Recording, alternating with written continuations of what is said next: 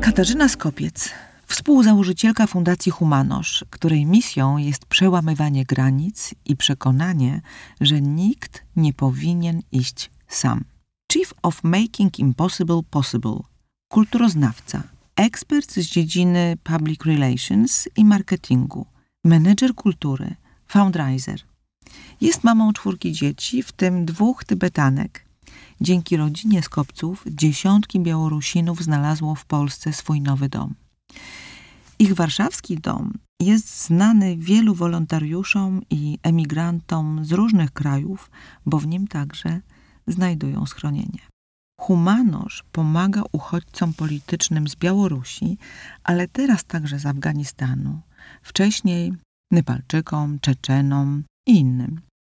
Fundacja Katarzyny Skopiec stworzyła też Mirny Dom, piękne, bezpieczne miejsce pomocy osobom represjonowanym z Białorusi. Katarzyna zaczynała działać społecznie jakieś 15 lat temu. Wtedy zobaczyła, przekonała się, jak słabo nasz kraj jest przygotowany do pomocy uchodźcom politycznym, osobom prześladowanym w swoich krajach. Powinniśmy ich przytulić, dać im dom i ich zaakceptować. Oni przyjeżdżają do nas w ogromnym stresie. Przyjeżdżają też tutaj jak do swoich przyjaciół Polaków. Tak mówi Kasia. Katarzyna jest wnuczką sprawiedliwych wśród narodów świata. Pomaganiem ma w genach. Witam cię, wojowniczko. Witam Państwa. Kasiu, powiedz, co to znaczy humanosz? Humanusz to jest połączenie dwóch wyrazów hebrajskiego enosh i angielskiego human. Oznacza człowieka, człowieczeństwo. E, najpiękniejsze w tym wszystkim jest to, że ten, ten wyraz, tą nazwę fundacji wymyślił mój przyjaciel Szlomo Wygodny, którego mama została uratowana przez moją babcię. I to on jakby wymyślił nazwę fundacji. Nie tylko jego mama została uratowana przez moją babcię, ale one się przyjaźniły do, e, do końca życia babci i były ze sobą bardzo bliskie, mimo że różniła je różnica 8 lat. Mama Szlomo była młodsza oczywiście od mojej babci, ale były bardzo sobie bliskie. Babcia Sława. Tak, babcia Sława, sprawiedliwa wśród narodów świata. I był jeszcze I jeden sprawiedliwy dziadek. był jeszcze dziadek Izek. Tak naprawdę dziadek był takim społecznikiem i takim działaczem, który łączył środowiska ukraińskie, żydowskie i polskie w Drohobyczu. Już jego tata stworzył szkołę dla młodych chłopców, którzy mogli znajdować zatrudnienie w okolicznych rafineriach, a dziadek to kontynuował. To tak naprawdę była taka jedyna spółdzielnia, która była polsko-ukraińsko-żydowska, że to się rzadko zdarzało Mhm, w tamtych żeby czasach. tak dobrze współistnieć. Tak, tak. Współpracować i współistnieć. Tak. Z szacunkiem dla swojej odmienności kulturowej, religijnej, wyznaniowej. Tak, jego tacie Mikołajowi, jemu bardzo zależało, żeby ci młodzi ludzie mieli ułatwiony mm, start w życie. Kształcili młodych techników, młodych ślusarzy, młodych tapicerów. Także od tego się zaczęło. Mhm. Ale co się zaczęło od tego? Od tego się zaczęła ich przyjaźń polsko-żydowska. Mhm. i po tym ta cała historia mm, wojenna, ale nie tylko, ponieważ to byli tak naprawdę przyjaciele, którzy sobie nawzajem pomagali. W czasie wojny dziadek im, potem oni niejednokrotnie, czy babci, czy dziadkowi. Także myślę, że to dlatego się udało, ponieważ oni się akceptowali, się przyjaźnili. Mhm. A w tobie płynie tylko polska krew? Tak, tak, Mhm. tak, tak. Okej, tak się zastanawiałam, wiesz, bo w- wokół Aczkolwiek w ciebie jest Izraelu- tyle. Aczkolwiek w Narodowości Izraelu wszyscy do mnie mówią hebe po hebrajsku na ulicy, jak mnie spotykają. Aha. E, no, mm, na pewno mam korzenie mm, wschodnie, tak, bo, bo, bo cała rodzina jest y, z obecnych terenów Ukrainy, przybyli z Rumunii, Mhm. ale a mój ojciec jest y, Ślązakiem z dziada pradziada, więc Niezły miks. tak, ale ja wiesz co, jak, y, jak tak do 16 roku życia w ogóle nie zauważałam w tym niczego specjalnego. Wydawało mi się, że wsz- wszyscy tak mają. Aha. Tak myślałam, że nie ma antysemityzmu i że a, generalnie to wszyscy się lubią i się kochają ci z Niemiec, z Izraela. Bo to wyniosłaś z domu. Znaczy takie przekonanie albo takie wyobrażenie. Tak, tak, Nie? to prawda. Mhm. Z rodziny. Słuchaj, czytam na stronie Humanosz, że misją fundacji jest przełamywać granice, wspierać, edukować. Praktycznie, tak po prostu. Nikt nie powinien iść sam. Nie lubisz patosu najwyraźniej? Często powtarzasz, że to, co robisz sama albo z rodziną, z przyjaciółmi, jest takie po prostu. No tak, nie, lu- nie lubię patosu, dlatego że, że staram się być w tym całym pomaganiu praktyczna, bo, bo tak naprawdę ludzie na końcu potrzebują łóżka, kołdry, wygodnej poduszki i jedzenia, a potem się dopiero zaczynają zastanawiać nad tym, co dalej, Mhm. tak? Staramy się bardzo, żeby te, te, te poduszki, które dajemy im, były wygodne i czyste i przyjemne i żeby potem dopiero, jak już będą to mieli, pomyśleli dalej, co mają zrobić ze swoim życiem. Przynajmniej Mhm. tu ci Białorusini, ale przedtem tak samo było z Tybetańczykami, dlatego że tak jak wspomniałaś, pierwszymi moimi uchodźcami byli Tybetańczycy. I to było w 2008 roku, czy jeszcze wcześniej? Mm, Nie, to było właśnie wtedy, tak mniej więcej w 2008 roku. Myśmy poznali przez szkołę na Bednarskiej, przez Krysię Starczewską. Założycielkę pierwszej szkoły społecznej w Tak, Warszawie. Już wspaniałą, ponad 30 lat temu. wspaniałą kobietę, która zresztą jest y, babcią jednych z Tybetanek, która z nami przyjechała do Polski. Jakim cudem ona jest jej babcią? No tak, tak, się, tak się zdarzyło. Więc zaczęło się najpierw od Krysi i od Donaty i od mm, mnicha tybetańskiego Adziama, który mm, był tutaj w ośrodku dla uchodźców Mhm. I postanowił pomagać e, razem z Donatą i z Krysią mm, Tybetańczykom, których ch- chciał po prostu Ściągać tutaj. ściągać do szkoły, tak? Mhm. Chodziło o to, Dalaj Lama opowiada, jakby wszystkim mówi Tybetańczykom, że przede wszystkim to, co powinni robić, to się powinni kształcić. Mhm. Że jeżeli będą wykształceni, będą poznawać świat, to sobie poradzą z tym, co się dzieje w Tybecie dużo łatwiej. Więc Adziam razem z Donatą i z Krzysią Z Donatą? Sterczą, to jest pani, która założyła fundację Miejsce samospełniających się marzeń. Sam Juk nazwa. Ling razem właśnie z Adziamem. Oni przywozili tutaj dziewczynki głównie do szkoły, żeby się uczyły. Pierwsze dziewczyny uczyły się na Bednarskiej. Tak, bo rzeczywiście Bednarska do tej pory słynie z tego, że przejmuje do tej szkoły, do tych swoich szkół, bo to już jest zespół szkół, mm, y, no, dzieci uchodźców z różnych krajów, w których no, ta edukacja jest jakoś tam ograniczona, albo tym ludziom dzieje się krzywda.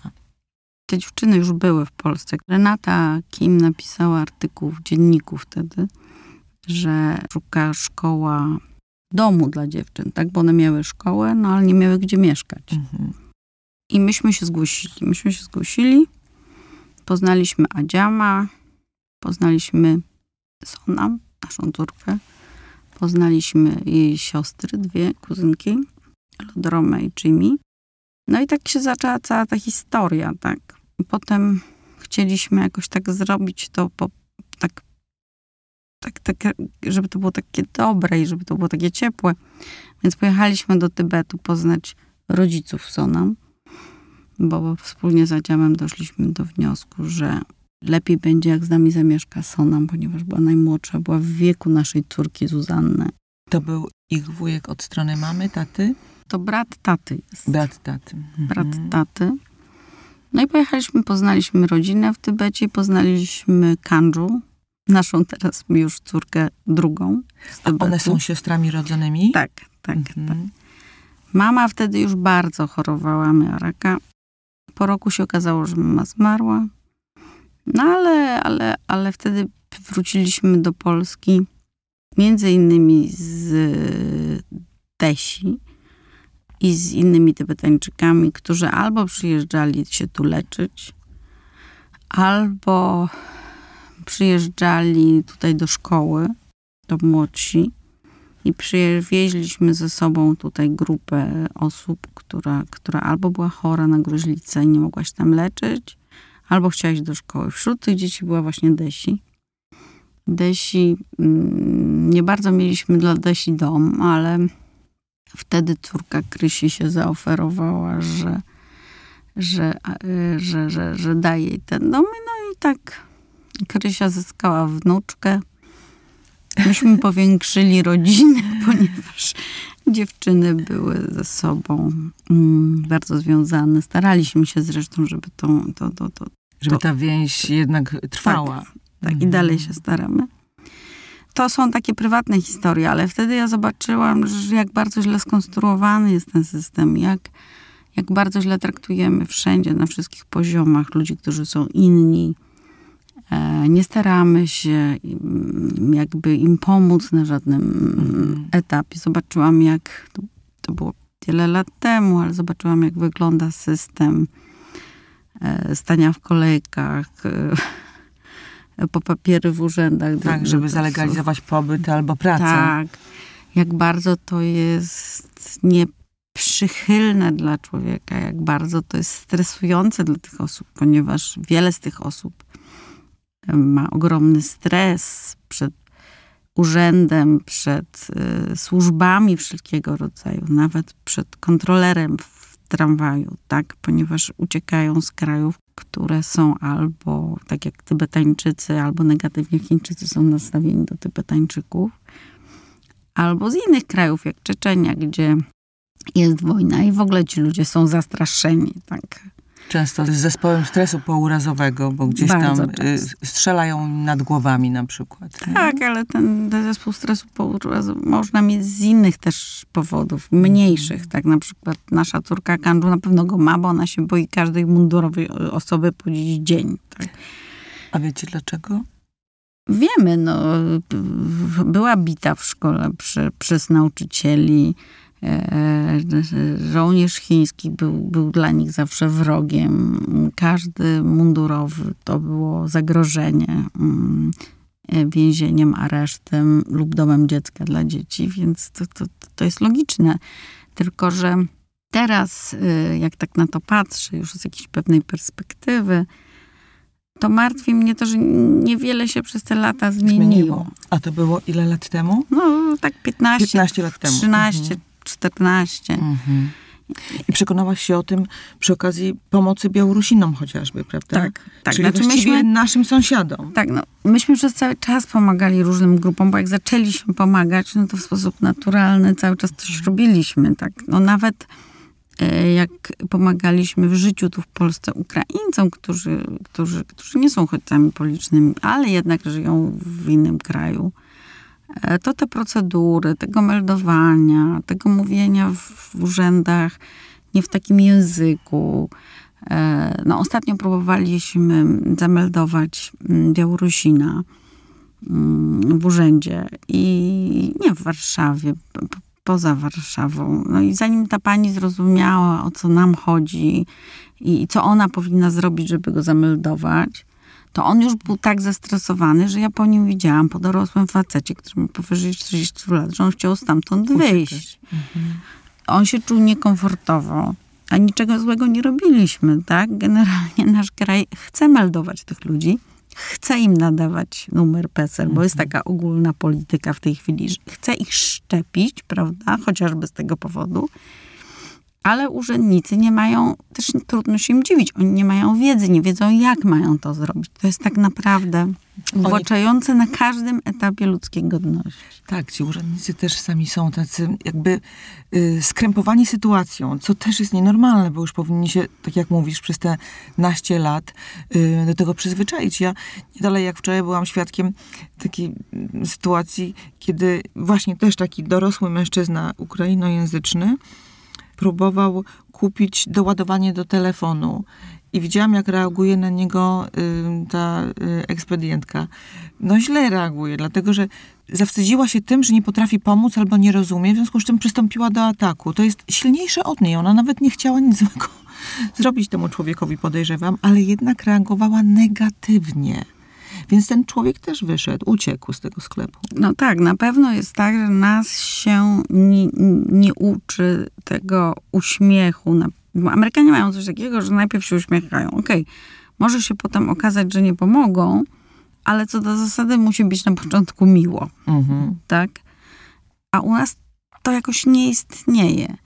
E, e, Mam pod opieką w tej chwili, w tej fundacji, w tym jednym domu, w sumie z 240 osób. Nie jesteśmy w stanie z każdą z tych osób pójść do każdej poczty, do każdego urzędu, do każdego meldunku, e, do każdej szkoły. Po prostu jest to niemożliwe. Co w związku z tym? No, oni cierpią. Mhm. I ciągle ja mamy taką e, sytuację, że ciągle musimy rozwiązywać e, takie sytuacje stresujące dla tych osób. Tak, staramy się chodzić, no ale, ale to jest po prostu niemożliwe. Fizycznie niemożliwe, tak. I jeszcze y, Białorusini w większości mówią po rosyjsku. Mhm.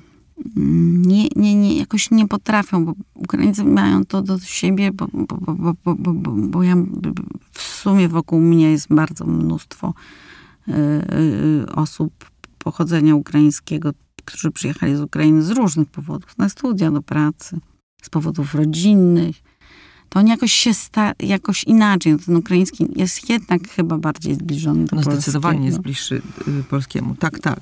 E, Jeszcze jak ktoś mówi takim prostym językiem rosyjskim, to się można dogadać, ale jak ktoś mówi takim literackim, no to nawet ja czasami nie rozumiem, co ta Mhm. osoba mówi. E, Nie mówią po białorusku. mm, Niektórzy mówią po białorusku, no, ale to jest wszystko takie, wiesz, względne. Tak, jeden rozum, jak bardzo ciekawa historia jest taka nasza z życia, tak. Myśmy pojechali do Tybetu z mężem, e, nie, nie, nie znając tybetańskiego, nie mając żadnego tłumacza i się dogadaliśmy z Tybetańczykami, bo oni chcieli się z nami porozumieć. Naprawdę Byli na otwarci. różne sposoby Mhm. można, tak? Pojechaliśmy tam. Ja miałam zdjęcie Sonam, która piecze ciastka dla mamy swojej. Zawiozłam te ciastka, więc ona dostała te ciastka i dostała te zdjęcie. Dałam w prezencie mamie pierścionek mojej babci, bo coś chciałam jej jakby dać, taki prezent. Żeby też oswoić sytuację. Tak, i Mhm. powiedziałam, dwa razy użyłam wyrazu ama i wyszło, na, które to oznacza babcię, po, mamę po tybetańsku i powiedziałam, że to jest babci pierścionek tymi dwoma wyrazami, tak, jak człowiek chce. Mhm. Miałam też zdjęcie babci, która miała chyba ten pierścionek na ręce, już nie pamiętam, ale to były takie, oni chcieli i my chcieliśmy, tak. A Chińczycy na przykład powiedzieć? nie chcą się dogadać, że Polacy Aha. trochę, trochę nie chcą, my nie chcemy. Mm. Z czego to wynika? Czy to nie Nie wynika z wiem. tego, nie wiem, z poczucia wyższości, że my musimy być, y, że chcemy być, chcemy mieć to poczucie wyższości przynajmniej wobec ludzi wo, y, ze wschodu, skoro nie możemy wobec ludzi z zachodu? Nie wiem, ja nie rozumiem. Niektórzy mówią, że my się boimy. Nie wiem, nie wydaje mi się tak, no bo czegoś mamy bać. Mhm. Tak, ja rozumiem, że ktoś może nie rozumieć, co ma zrobić z Afgańczykami, tak? Mhm. E, bo to jest trudniejsza sytuacja. Aczkolwiek e, ewangelicznie prosta, taka sama, tak? Właśnie. Daj- Dobrze to powiedziałaś, ewangelicznie prosta. Tak, tak, Mamy sobie pomagać tak, bliźniemu. tak. Kurczę, no widzisz. Rzeczywiście też coś takiego widzę. I często się też zastanawiam, z czego to wynika. Pewnie nie ma jednej odpowiedzi, ale może również dlatego, że jednak przez lata nie mieliśmy z tym w ogóle do czynienia. Jesteśmy trochę tacy No tak, no mamy, mamy Polskę składającą się z samych Polaków. Tak, Polska dla Polaków. Było Tak. takie straszne hasło y, w 44 roku poprzedniego wieku, no ale to było już dawno. Wokół nas jest multikulti. Europa jest multikulti. Moim zdaniem nie przerobiliśmy naszych relacji z Ukrainą, bo, bo, bo obie wiemy, że albo jest na tak, albo jest na nie w Tak. tych relacjach, z obu stron zresztą. Mhm. Mamy nieprzerobione e, relacje z Rosją. Nie rozumiemy, dlaczego Białorusini mówią po rosyjsku, bo ja to muszę w kółko każdemu tłumaczyć. Mhm. Ludzie mówią, jak to? To oni się dali sowietyzować, a my Polacy tacy dzielni nie daliśmy się. Tak, ja też nie mogę zrozumieć i też jakoś mi się to nawet nie podoba, chociaż nie powinno tak być, że na przykład Ukraińcy często też posługują się rosyjskim, a nie ukraińskim, prawda? Natomiast no, jak zaczynam gdzieś tam y, dochodzić tego dlaczego, no to zaczynam rozumieć, no zdecydowanie byli bardziej zrusyfikowani niż my podczas zaborów. No bliżej są tej Rosji, no i tam jednak ten stopień sowietyzacji mm, no, był dużo, Też dużo byli bardzo większy. wymieszani, tak, Też, jak wiemy. Tak. Byli przewiozieni, wysyłani. Tak. No, tak jak my zresztą. Czy też trzeba powiedzieć coś pozytywnego, bo jest też oczywiście grupa ludzi, która chce pomagać, i którzy do nas bardzo często docierają. I zaskakują mnie takie telefony. Mam 10 mieszkań tylko wynajętych po kosztach, czyli mi, minimalne opłaty, czynsz bez żadnego zarobku, tylko dlatego, że ktoś chce pomóc. Także dzwonią do mnie tacy Mhm. ludzie i, i pomagają. Tak. Tak. mo- Można też przeczytać na waszej stronie, na stronie Fundacji Humanosz, kilka takich historii, jeśli nawet nie więcej. Jak ludzie właśnie pomagają, ponieważ też kiedyś ktoś im pomógł. Tak. I to jest fantastyczne i krzepiące. Ale wiesz co, Kasia? Zostawmy na razie Białorusinów. Wróćmy jednak do twoich Tybetanek, Mhm. bo to na pewno miało te lata doświadczeń z adoptowaniem ich do życia w Polsce, jakby sprawiły, że ty nabrałaś doświadczenia w, kwestii pomagania ludziom z zagranicy w ogóle, prawda? Więc może wróćmy jeszcze na chwilę, bo tak, Sonam przyjechała do Polski wtedy, kiedy mama jeszcze żyła, tak? Tak. Ale już była chora. Tak. Przyjechała dlatego, że chciała się uczyć, bo Tak. tam nie miała szans, musiała już pracować jako ośmioletnia bodaj dziewczynka. Tak, tak, tak. Pracowała na budowie. Ona była Mhm. najsilniejsza we wsi, w związku z tym jako ośmioletnie dziecko już było nawet dla sąsiadów budowała, tak? Bo ona była niebywale silna. Nie, Ośmioletnia dziewczynka. Tak, tak, tak. I nie poszła do szkoły dlatego i przyjechała do Polski jako analfabetka. Ale chciała do tej szkoły. Chciała do szkoły, nie wiedziała, że jedzie do Polski, bo myślę, że to było dla niej. Ona Ko- tak kosmiczne. naprawdę nie wiedziała, gdzie Tak. jedzie. Tak Mhm. wiedziała, że jedzie do wujka, tak? No więc tutaj czuła się w tym zakresie bezpiecznie. Nie było strachu? Nie, ona tak bardzo chciała, zresztą w tym roku została lekarzem, co jest niesamowite. Aha. Udało się. Bo ona chciała zawsze. Tak. Ile ma lat teraz? Teraz ma 27, no 15 lat minęło. Hmm. E, ma 27, jest, została lekarzem w tym roku i to jest naprawdę niesamowity sukces jej, ogromny, takie samozaparcie. A Kasia Kandżu? A Kasia Kandżu, Kasia Kandżu przyjechała rok po niej, nie zupełnie innym mm, dzieckiem. Ona przyjechała już taka nastawiona, że jedzie do siostry i ona, ona chodziła do szkoły w Chinach, tak więc jej nie zabrano dzieciństwa, więc ona do złej szkoły chodziła. Oczywiście nauczyciele ją tam bili, ona zresztą bardzo często o tym opowiada, że była bita w tej szkole. Ale za co była bita? Tylko dlatego, że była chińscy- Tybetanką? Tak, tak. Mhm. Chińscy nauczyciele po prostu biją dzieci. Różne kary są cielesne. Tak naprawdę tybetańskie dzieci uprawiają ogródek chińskiemu nauczycielowi, a nie chodzą do Och. szkoły. E, Przytykano im rękę do lodu, do, do, do, do, do, do jeziora, czy tam do jakiejś rzeczki, więc naprawdę ona tam przeszła mm, choro, ale ona bardzo chciała przyjść do szkoły. Ona tutaj przyjechała, miała e, 9 lat i przyjechała i poszła do szkoły. No i z tym było parę przygód, ponieważ Kandżu nie mówiła po polsku, bo Sonam jak do nas przyszła już do domu, to już trochę mówiła po polsku. No myśmy z Kandżu po prostu przeszli całą drogę y, od początku człowieka, który był zupełnie innej kultury. I, i, I dlatego powtarzam tym naszym Białorusinom, że słuchajcie, naprawdę dziewczyny mówią biegle po polsku i każdy się nauczy, tylko trzeba po prostu się... Sieci otworzyć. Mhm.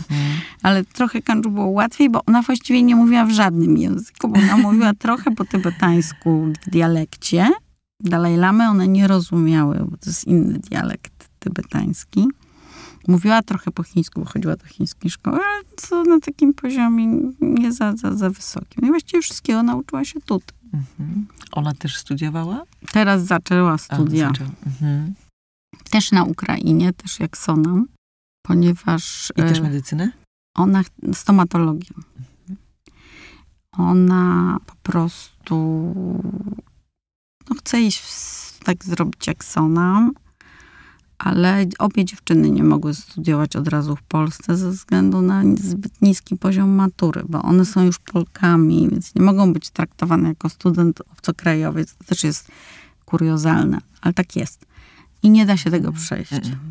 Mhm. Myśmy nawet pisma pisali do rektorów różnych akademii medycznych w Polsce, Żeby co, żeby włączyli taryfę żeby ulgową? SONA mogła się dostać, żeby włączyli taryfę ulgową, czyli jakby, nawet nie taryfę ulgową, tylko żeby ją potraktowali jak studenta z z zagranicy.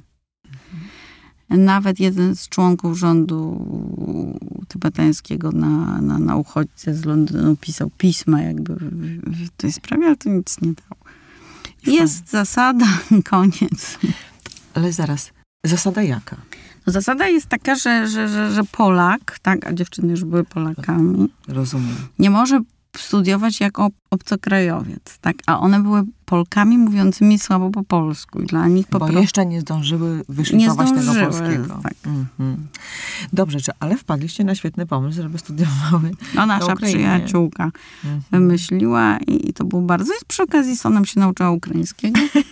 Mówi dosyć dobrze po Mhm. ukraińsku. No proszę, Lepiej od wielu Ukraińców. właśnie. Dobrze, Kasia, ale nie mieliście żadnych problemów wychowawczych z dziewczynami?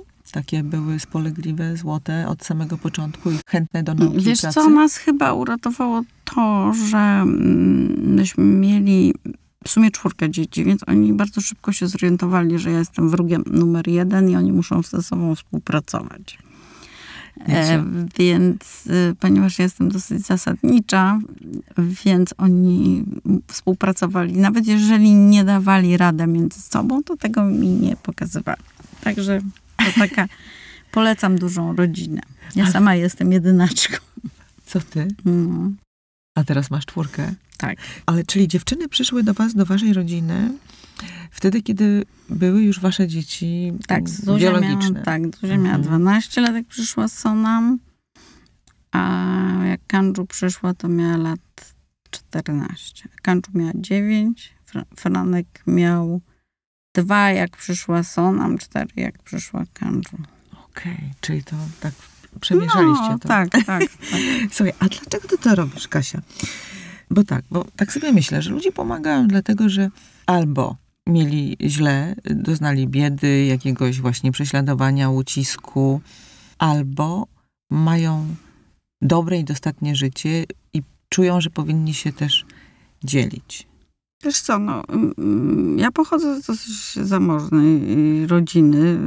No, dobrze nam się żyło nawet w tych trudnych czasach, ale ja byłam bardzo samotna.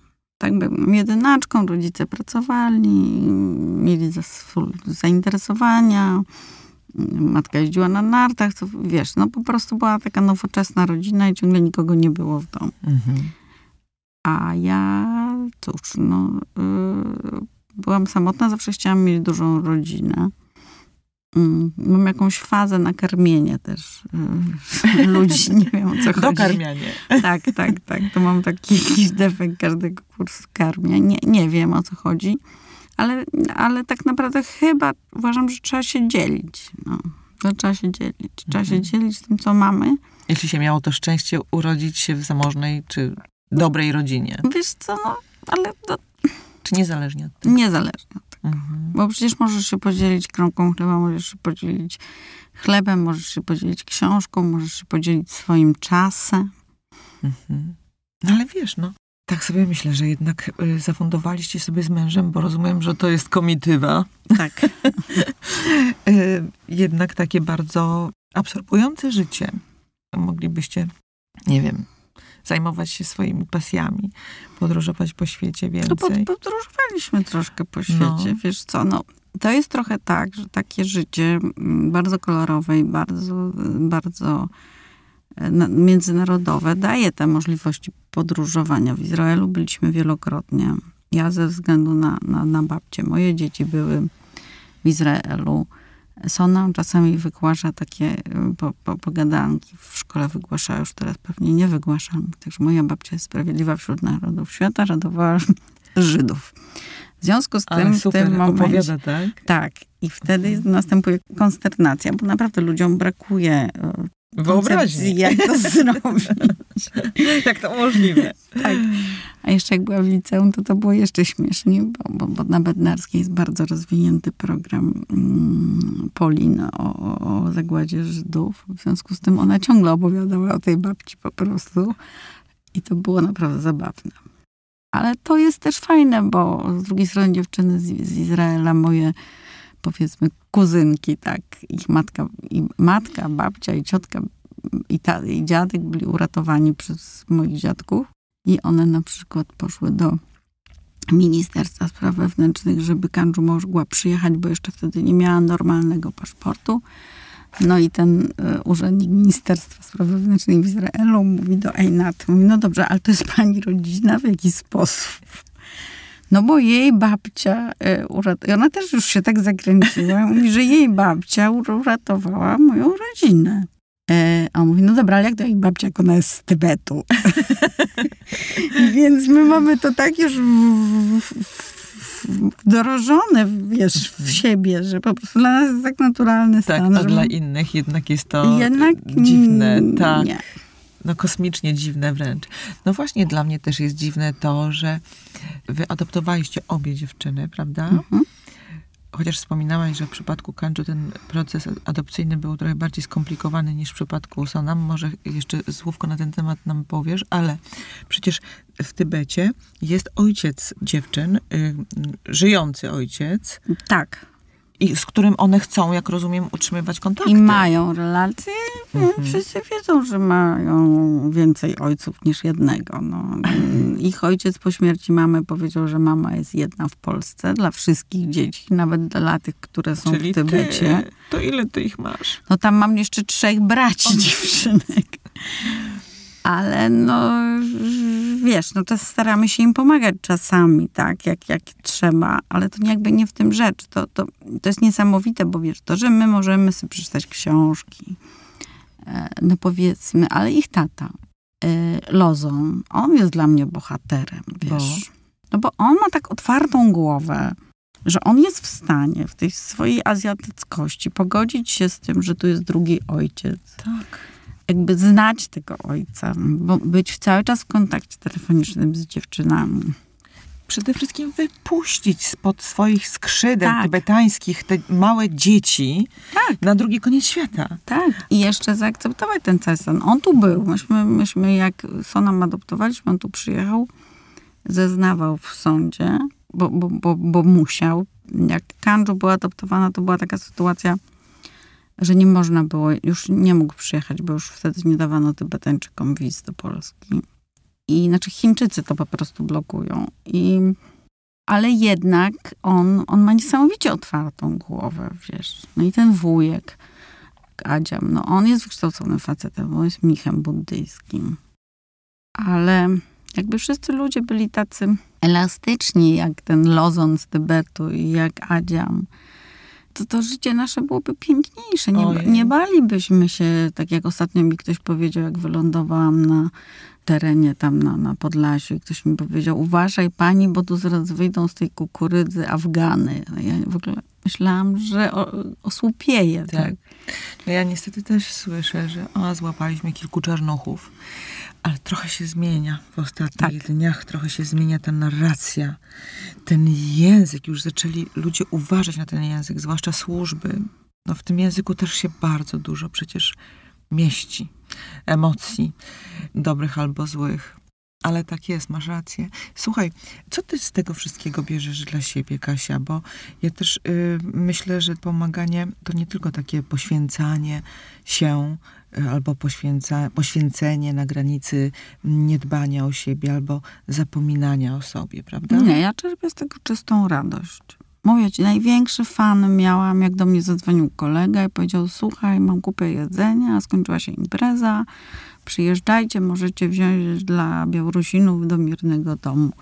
Naprawdę, jechałam tym samochodem po to jedzenie i, i sobie myślałam, że teraz to jestem szczęśliwa. Tak? Bo to nie chodzi w tym ani o poświęcanie się, na zaniedbywanie siebie, bo ja cały czas jakby roz, staram się rozwijać, pracuję. Mam ogromną radość, jak moje córki niedawno Zuzia na Facebooku zaznaczyła, że pracuje w Fundacji Humanosz, wiesz. Ja ich do tego nie zmuszam. Oni, oni, oni chcą to robić, tak? No dobrze, a jak zareagowała Zuzia wtedy, kiedy ty z mężem, nie wiem, oznajmiliście, czy pytaliście Myśmy o się jej pytali, myśmy się jej pytali. Myśmy się jej pytali, bo ona, miała, ona była dosyć dużą taką dziewczynką, miała 12 lat wtedy. To było dwa lata po śmierci mojej babci, którą ona bardzo przeżyła, bo była blisko ze Sławą i, e, i spędzały bardzo dużo czasu razem. I ona wtedy powiedziała, i, i ja wiem, że kiedyś jeden z moich przyjaciół, kolegów powiedział, że to jest takie za bardzo za bardzo, tak? Ale ona powiedziała, że jeżeli Sława mogła pomóc tylu ludziom, to ja mogłem zamieszkać z jedną dziewczynką z Tybetu. Ona miała 12 lat. To powiedziała. Niesamowite. Więc y, wiesz, ja zobaczyłam, jak bardzo różni się podejście za granicą do takich sytuacji, do naszego. Jak do mnie dziewczyny z Izraela zadzwoniły i złożyły mi życzenia z okazji pojawienia się nowe, urodzin nowego dziecka w domu. Tak, bo, bo, bo, bo przyjechała co nam i w Izraelu wszyscy wiedzieli, że myśmy adoptowali, znaczy jeszcze nie adoptowali, no ale żona z nami zamieszkała. I oni wszyscy dzwonili i składali mi życzenia. Takie życzenia, jak się składa z okazji urodzenia dziecka. Mhm. Ja nie spotkałam się z takim podejściem w Polsce, z nikim. Tam jest po prostu ludzi tego uczą. Jeżeli Tak dziecko być. adoptujesz, to ono się w rodzinie rodzi. Mhm. Może teraz już tak jest. Rzeczywiście ja słyszałam, że jest coś takiego, że na przykład się obchodzi coś, co się nazywa urodziny dziecka i dorodzinki. Do rodzinki. Czyli moment, w którym to dziecko. Przychodzi do rodziny adopcyjnej. Tak. Mhm. Często ma zmienione imię na przykład. Tak. A czy to prawda, że Sonam przyjechała bezimienna? Nie, to Kanju. Y, Kanju nie miała nazwiska bardzo. Znaczy, Aha. generalnie one obie nie miały. Tak, one obie nie miały imion, bo Chińczycy nadają im jedno nazwisko, które jest połączeniem dwóch imion w transliteracji chińskiej nie do przeczytania przez nikogo. Mhm.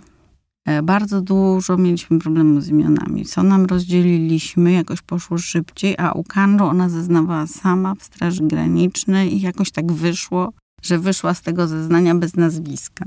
Ale rozdzieliliście, czyli co? Co zrobiliście z tym imieniem? No bo Sonam się nazywała Silang Kutuo, No, a po, po tybetańsku Sonam Chico.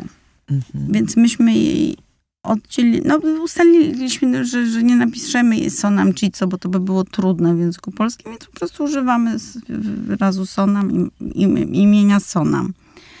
Przypadku Kanju było tak, że ona zeznawała i ona zeznała, że nie wiem jak ona to zeznała, w każdym razie wyszła z papierami samo imię bez nazwiska. I bardzo długo miała trzy xy.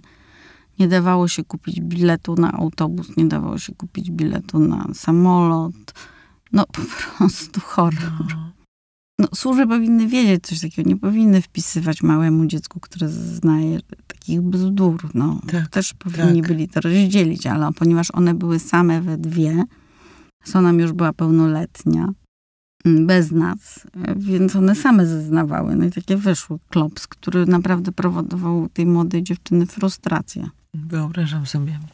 No tak, ale ci urzędnicy pewnie też stanęli pierwszy raz w obliczu czegoś podobnego. Po, no, No pewno tak, nie, ale, nie ale wiesz, no potem, no tak, ale potem Urząd y, do Spraw Uchodźców wydał jej mm, dokument Kanju brak. Mhm. bo ktoś przez przypadek wpisał brak, wyraz, że nazwiska brak i omyłkowo wydali taki dokument. To był pierwszy dokument, który dostałam. No to wiesz, myśmy tych historii przeszli tyle, że, e, że dlatego mm, mi jest łatwiej przechodzić przez te historie z Białorusina. Tak. To już zaczyna być może nie bułka z masłem, ale, ale coś, Przede co wszystkim masz... się nie denerwuję i uważam, że z każdej sytuacji jest rozwiązanie. Mhm. Wiesz, bo już naprawdę wiem, że można wszystko. Niemożliwe jest możliwe. Tak. Słuchaj, Kasiu, skąd ty masz na to wszystko czas? To trzeba mieć energię. Pieniądze można mieć, można nie mieć, jak już powiedziałaś. Natomiast y, no, trzeba mieć czas. A ty przecież pracowałaś w wielu poważnych firmach. Wiesz co, no ale ja jestem taką korporacyjną osobą, więc jednak ta korporacja nauczyła mnie takiej pracy cały czas. Mhm. Potem pracowałam długo w Instytucji Kultury w Muzeum Łazienki Królewskiej, gdzie też rzeczywiście wymagało to dużego zaangażowania. Ja po prostu lubię pracować, lubię robić rzeczy. Teraz dzielę czas między naszą firmę, którą prowadzimy razem z mężem, między, między fundacją i między dom. No jakoś to tak idzie. Mhm. A mąż też jest tak bardzo zaangażowany w humanosz? On nie ma ma go tam wśród założycieli. Nie, nie, on ma takie Mhm. fazy. Jak już widzi, że sobie nie radzę, no to mówi, dobra, weź, poczekaj. To może jednak tak. Aha. Ja nie supportuje wtedy, kiedy siły. trzeba. Tak, e, mówi zdecydowanie lepiej po rosyjsku ode mnie, bo u niego w domu babcia mówiła po rosyjsku w domu. I jak ja się już zaplączę w tłumaczenie komuś czegoś, to ja mówię, weź, proszę cię bardzo, wytłumacz. Szczególnie mężczyznom, jak on tłumaczy, to jest łatwiej, bo no tam jest jednak patriarchat. Jak baba coś tłumaczy Białorusinowi, to nie zawsze się udaje. No właśnie. Ale nigdy nie stawał na drodze. Nie, nie, no on też, y, nasza firma wspiera finansowo naszą fundację. Taki mamy pomysł na to, żeby żyć i to jest fajne. no. Mhm. Wiem, że twoja mama jest też zaangażowana, jest chyba współzałożycielką Humanosz, prawda? No, moja mama jest y, bardzo ważną osobą w Humanoszu, bo, mama jest y, jakby sama mm, trochę tą historią. Tak, Humanosz jednak jest głównie o, o tym, żeby walce z rasizmem, e, bo wiesz, te historie tak naprawdę oczywiście one nie są porównywalne, ale są podobne, tak. Mhm. E, walce w akceptacji odmienności, różnorodności, wielu re, religii, tak. No Ania jest, y, z, z, mimo że nie jest Żydówką, jest dzieckiem Holokaustu, bo ona w jej wózku tak naprawdę wożono jedzenie, ryzykowała własnym życiem, żeby wy- wyżywić tych wszystkich y, ludzi, którzy byli schowani, więc to wózek jej Czy- był My, wykorzystany. Ania, Moja e, mama. Córk, twoja, twoja mama, córka Sławy, tej, Tak. która jako 24-latka, matka małego dziecka, Tak, e, uratowała 39 Tak. Żydów. no Mhm. wiesz, i ona jest jakby w podstawie tego, ale też nam bardzo pomaga, no jak w zeszłym roku, bo to dokładnie rok temu, bo teraz mi Facebook pokazał właśnie te zdjęcia z zeszłego roku, jak zaczynaliśmy, to do mojej mamy też trafiały pewne osoby z Białorusi, bo już ja nie wiedziałam, gdzie mam ich kłaść. I, i, I dwie panie były, przechodziły przez mojej mamy dom, sp- spały parę dni na kanapie, no bo to był i koronawirus, i, i, i kwarantanny, i ten eksodus Białorusinów, to naprawdę było takie mm, mm, mocne. Mhm. Wyobrażam sobie, tak sobie myślę też, że to są wszystko ciężkie sytuacje. To są takie sytuacje czasami na granicy życia i śmierci. To są takie sytuacje, od których zależy na przykład całe życie, całe późniejsze życie młodego człowieka, który tam przedostał się z Białorusi e, do Polski. Ostatnio nie? miałam taką sytuację, byłam w Chorobowie i tak siedzimy, rozmawiamy, tujemy ciastka, opowiadamy sobie, jak tutaj pomóc, kto ma jakie problemy. I wszyscy są już tacy w miarę ustabilizowani. I w tym momencie wchodzi taka kobieta z dzieckiem dziesięcioletnim, taka blada, potwornie zmęczona. I taka sina na twarzy, zmarznięta. Nie odzywa się, siadła do tego stołu i siedzi. I ja pytam się, a pani... A nie, nie, bo ona właśnie przyszła z granicy. Mhm. To znaczy, że musiała przejść wiele kilometrów z tym dzieckiem. I, i szła w nieznane tak naprawdę, bo szła do ośrodka dla uchodźców, więc y, to się cały czas tam dzieje i sytuacje są, są, są, są bardzo różne. Mamy też rodzinę, która przecież przez Ukrainę przyjechała do Polski i pani tutaj z dwójką dzieci z mężem, ona była w zaawansowanej ciąży i bardzo długo trwało przepychanie jej przez granicę ukraińsko-polską, bo Polacy nie chcieli dać jej wizy humanitarnej. To ją dziewczyny moje z fundacji Jana Szostak z grupy partyzantek, one ją tam, wiesz, przepychały. Ona przyjechała z rodziną do Mirnego Domu. No i poszła rodzić dziecko z Mirnego Domu i urodziła się mała Wiera. I dopiero teraz szukają mieszkania, także wiesz, to, to, to naprawdę traumę można z, z, dziewięciomiesięcznym y, ciąży sterczeć na granicy i nie wiadomo, czy cię wpuszczą, czy nie wpuszczą, a na Ukrainie teraz też się zmieniły przepisy, więc oni też chcą aresztować ludzi, którzy nielegalnie przekraczają granicę. Wiesz, ja to rozumiem, tak, bo... No wszyscy to rozumiemy. Tylko, że trzeba... Ja, ja nie rozumiem jednej podstawowej rzeczy, bo mi kiedyś zadał jeden z urzędników ośrodka dla uchodźców. Jak to pani robi, że pani wie, którzy są faktycznie uchodźcami politycznymi, a którzy nie? No wiesz, czy Ta- nie wiesz? Ja, ja, ja wiem. Serio wiesz? Wiem. Wiem i moje dziewczyny, z którymi ja pracuję, Białorusinki, wiedzą. Tak? Bo one to po pierwsze sprawdzają w różnych To można sprawdzić. Tak, Można zrobić research. można.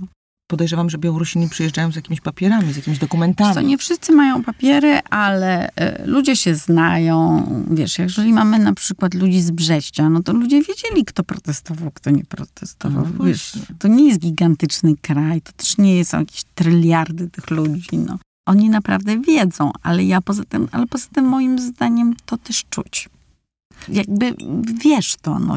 Ja, to wiem. Tak? Ale Kasia, gdybyś wyczuła, że ktoś nie był represjonowany, To też mu da chleb. Tak? no właśnie. To też mu da chleb, ale bym mu dała inną pomoc. Nie zapłaciłabym mu, tak jak my robimy, mm, pierwszego czynszu, tylko spróbowałam mu znaleźć pracę. No przecież tacy ludzie, uchodźcy polityczni też istnieją. Polacy też byli uchodźcami politycznymi i ekonomicznymi. Przecież i tacy, i tacy są. Tak. I takim, i takim jest źle. Tak. I to, wiesz, jakby nie ma w tym nic złego, tylko inaczej wtedy pomagamy. Dzieciom pomagamy wszystkim. Szli No ale- do szkoły, to, to, to ja nie wybierałam sobie, czy ja plecak z zeszytami daję takiemu dziecku, czy takiemu. No wiesz, ja mam też rodzinę polską, której pomagamy. To nie jest tak, że my się tylko skupiamy z Białorusi albo z Afganistanu albo z Ukrainy. Teraz pomagamy politycznym z Białorusi, bo taka jest sytuacja, tak? Czy rzeczywiście ta sytuacja tych Białorusinów jest taka trudna, bo teoretycznie są miejsca, jakieś ośrodki dla uchodźców politycznych. Ale tak, po pierwsze, mm, tych miejsc w tych ośrodkach jest mało. Po drugie, te ośrodki połączone są w takich miejscach, że na przykład jeżeli pani mieszka tam z czteroletnim synem, bo to jest akurat taka ostatnia, ona już nie mieszka, no ale powiedzmy, i dziecko jeździ do przedszkola wożone tym autobusem, to ona właściwie tam siedzi i nic nie robi całe dnie, tak? Bo ona nie może tam pójść do pracy, bo ona tam w okolicy nie dostanie żadnej pracy. Więc żeby ona się rozwinęła i żeby ona stanęła na nogi, to tak, trzeba znaleźć jej pracę, trzeba znaleźć jej mieszkanie, trzeba znaleźć przedszkole temu dziecku, i trzeba jej wytłumaczyć i trzeba ją jeszcze przewieźć. Bo te ośrodki czymś takim się nie zajmują. Nie. One tylko przechowują tych ludzi, Tak, mówiąc brzydko, ale dosadnie i chyba prawdziwie, bo to jest taka przechowalnia, prawda? tak, Dość ponure miejsca to są chyba. dosyć. No właśnie.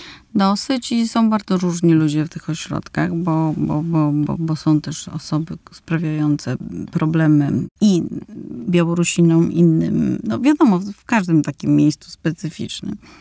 Mieliśmy taką dziewczynę, która z dzieckiem, z, z, córką była pod Toruniem w takim ośrodku. No to, no to tam była taka sytuacja, że tam z kolei sobie chłopak z Czeczenii ubzdurał, no piękna dziewczyna, tak? Sobie, że ona będzie jego drugą żoną. No i jej to do końca nie odpowiadało. I myśmy rzeczywiście ją wywozili stamtąd, żeby on za nią nie pojechał. I to ta sytuacja była taka, wiesz, mało miła. Mhm. Też trochę mm, wymyślamy tym ludziom, co mają zrobić, żeby sobie poradzili w Polsce, bo w Polsce jednak realia życia są inne.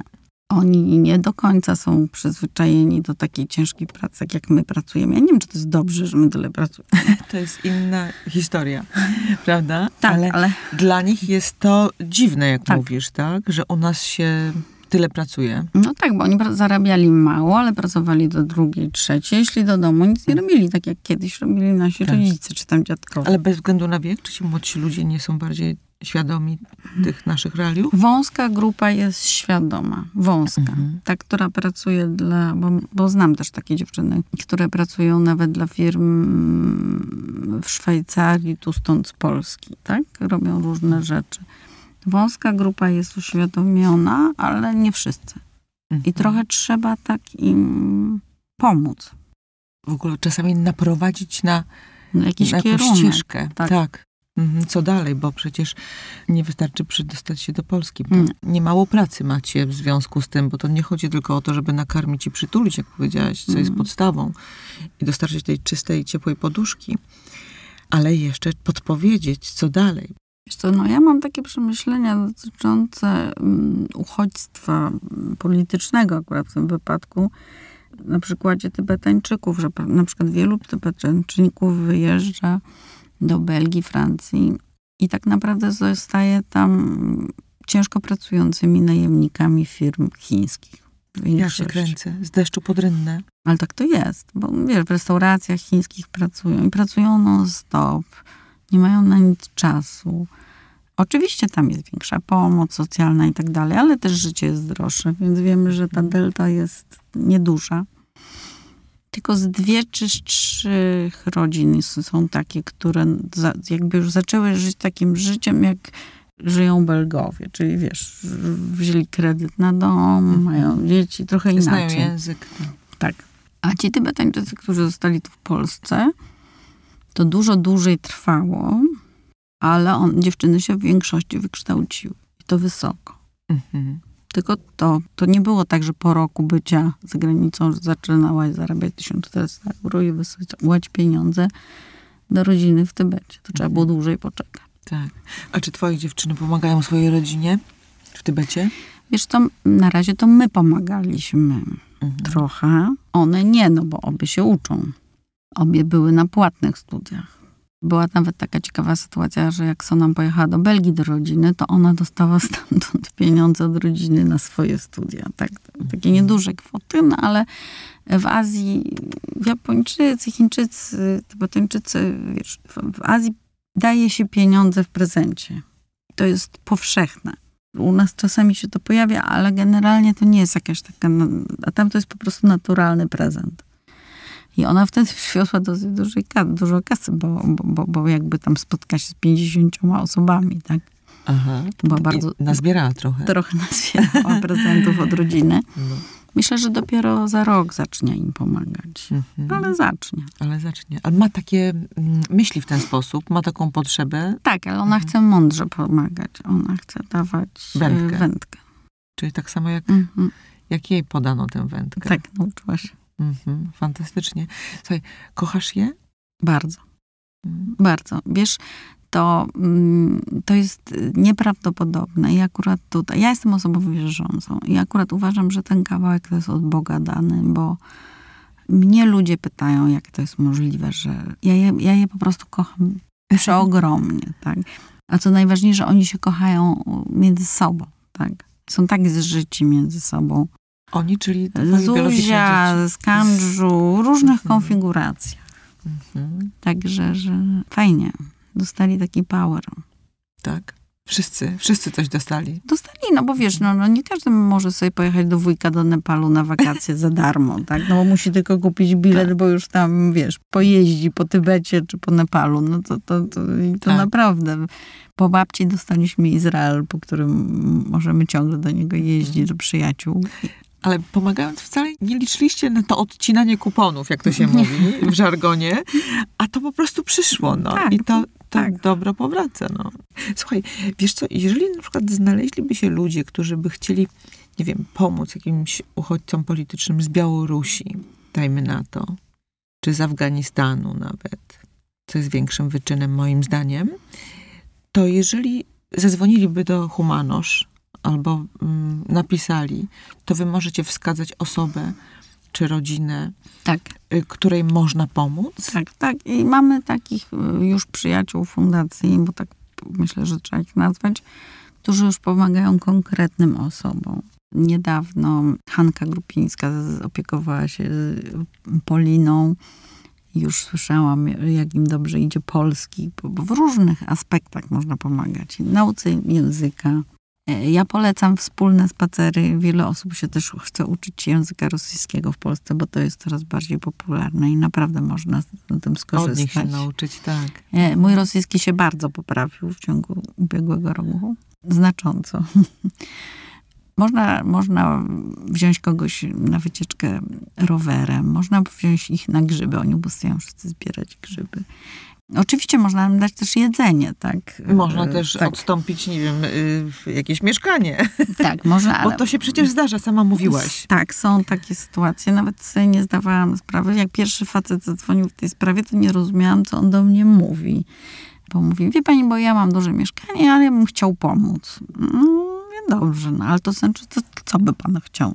No bo to mieszkanie stoi puste, ono jest co prawda nieurządzone, no ale tam mogą mieszkać ludzie, no tylko żeby tam nie, mieścia, nie, nie mieszkało 20 osób, tylko tak, żeby to było, żeby sąsiadom to nie, Żeby zanadto nie wyeksploatować. i naprawdę do momentu, kiedy Zuzia, moja córka, z nim nie pojechała, e, nie zobaczyła i nie dogadała z nim tego, to, to, to, to aż nie mogłam w to uwierzyć. A potem się rzeczywiście pojawiały takie sytuacje. Czyli przez to mieszkanie przeszło pewnie już y, niemało Nie, tych tam, nie, tam, tam mieszka grupa od początku, sześciu osób, y, młodych, którzy pracują, ale po prostu mają tą taką ulgę, że płacą mniej za, za mieszkanie, czyli nie pracują na swój czynsz, tylko mogą sobie Mhm. coś odłożyć. Czy ty nigdy się nie sparzyłaś na tej pomocy? Sparzyłam się, ale ja o tym nie myślę. To mi wytykają inni wokół mnie, ale ja mówię, no dobra, no ale to tutaj, mm, wiesz, no wstaję rano i zaczynamy nowy dzień. Mhm. No bo cóż, Ale jak sobie to tłumaczysz? nie zastanawiam się nad tym. Okej. Czyli to po prostu to jest wliczone w ryzyko. No tak, tak jest w każdej pracy. Mhm. W każdej życiowej sytuacji. Tak, że możesz się spotkać z niewdzięcznością albo z brakiem lojalności, albo... Wiesz co, ale ja w ogóle tego nie robię, oszustwem. dlatego żeby ktoś był mi wdzięczny. No dobrze, dobrze, no ale... No może mnie ktoś oszukać, Tak. okej. No, no trudno, no. Mhm. Ale to już jest problem tej osoby. Tak to Tak, traktujesz. zdecydowanie. Mhm. Ona musi teraz z tym No żyć. tak, no bo jak, to wiesz, to, to nie ja źle zrobiłam, tak? Mhm. Ja będę miała problem, jak ja kogoś źle potraktuję, to ja będę miała z tym problem. Staram się nie. No teraz wiesz, finalizując, chciałabym cię poprosić o kilka refleksji na temat tego, jak oceniasz to, co w ostatnich latach nasz kraj robi dla uchodźców politycznych. Czy jest progres? Wiesz co, no, zależy w jakim aspekcie. Myślę, że po pierwsze tak, w innych krajach nie wygląda to dużo lepiej, Wbrew pozorom. wbrew pozorom. I to wszyscy mi powtarzają, że, że, że no, ostatnio obejrzałam, co prawda film o Australii, no ale tam to podobno wygląda tragicznie. Mhm. Nie znam się aż tak na tym. Znaczy, przede wszystkim jest pewien problem wynikający z tego, że to jest bardzo taki. Co to znaczy zajmowanie się uchodźcą? Bo tak, no uchodźca najpierw trafia do Straży Granicznej. Potem, jak już zostanie tam mm, zakwalifikowany, że jest tym uchodźcą, no to trafia do Urzędu do Spraw Uchodźców, tak?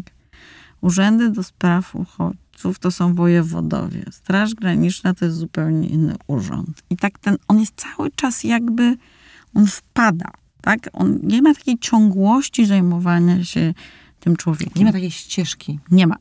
Szkoła Jednej, tak. to jest miasto. Meldunek to jest dzielnica. Potem szkoła to jest dyrektor szkoły. Ostatnio mnie za, zaskoczył Urząd do Spraw Uchodźców, muszę to powiedzieć. Dyrektor tego urzędu bardzo nam pomaga.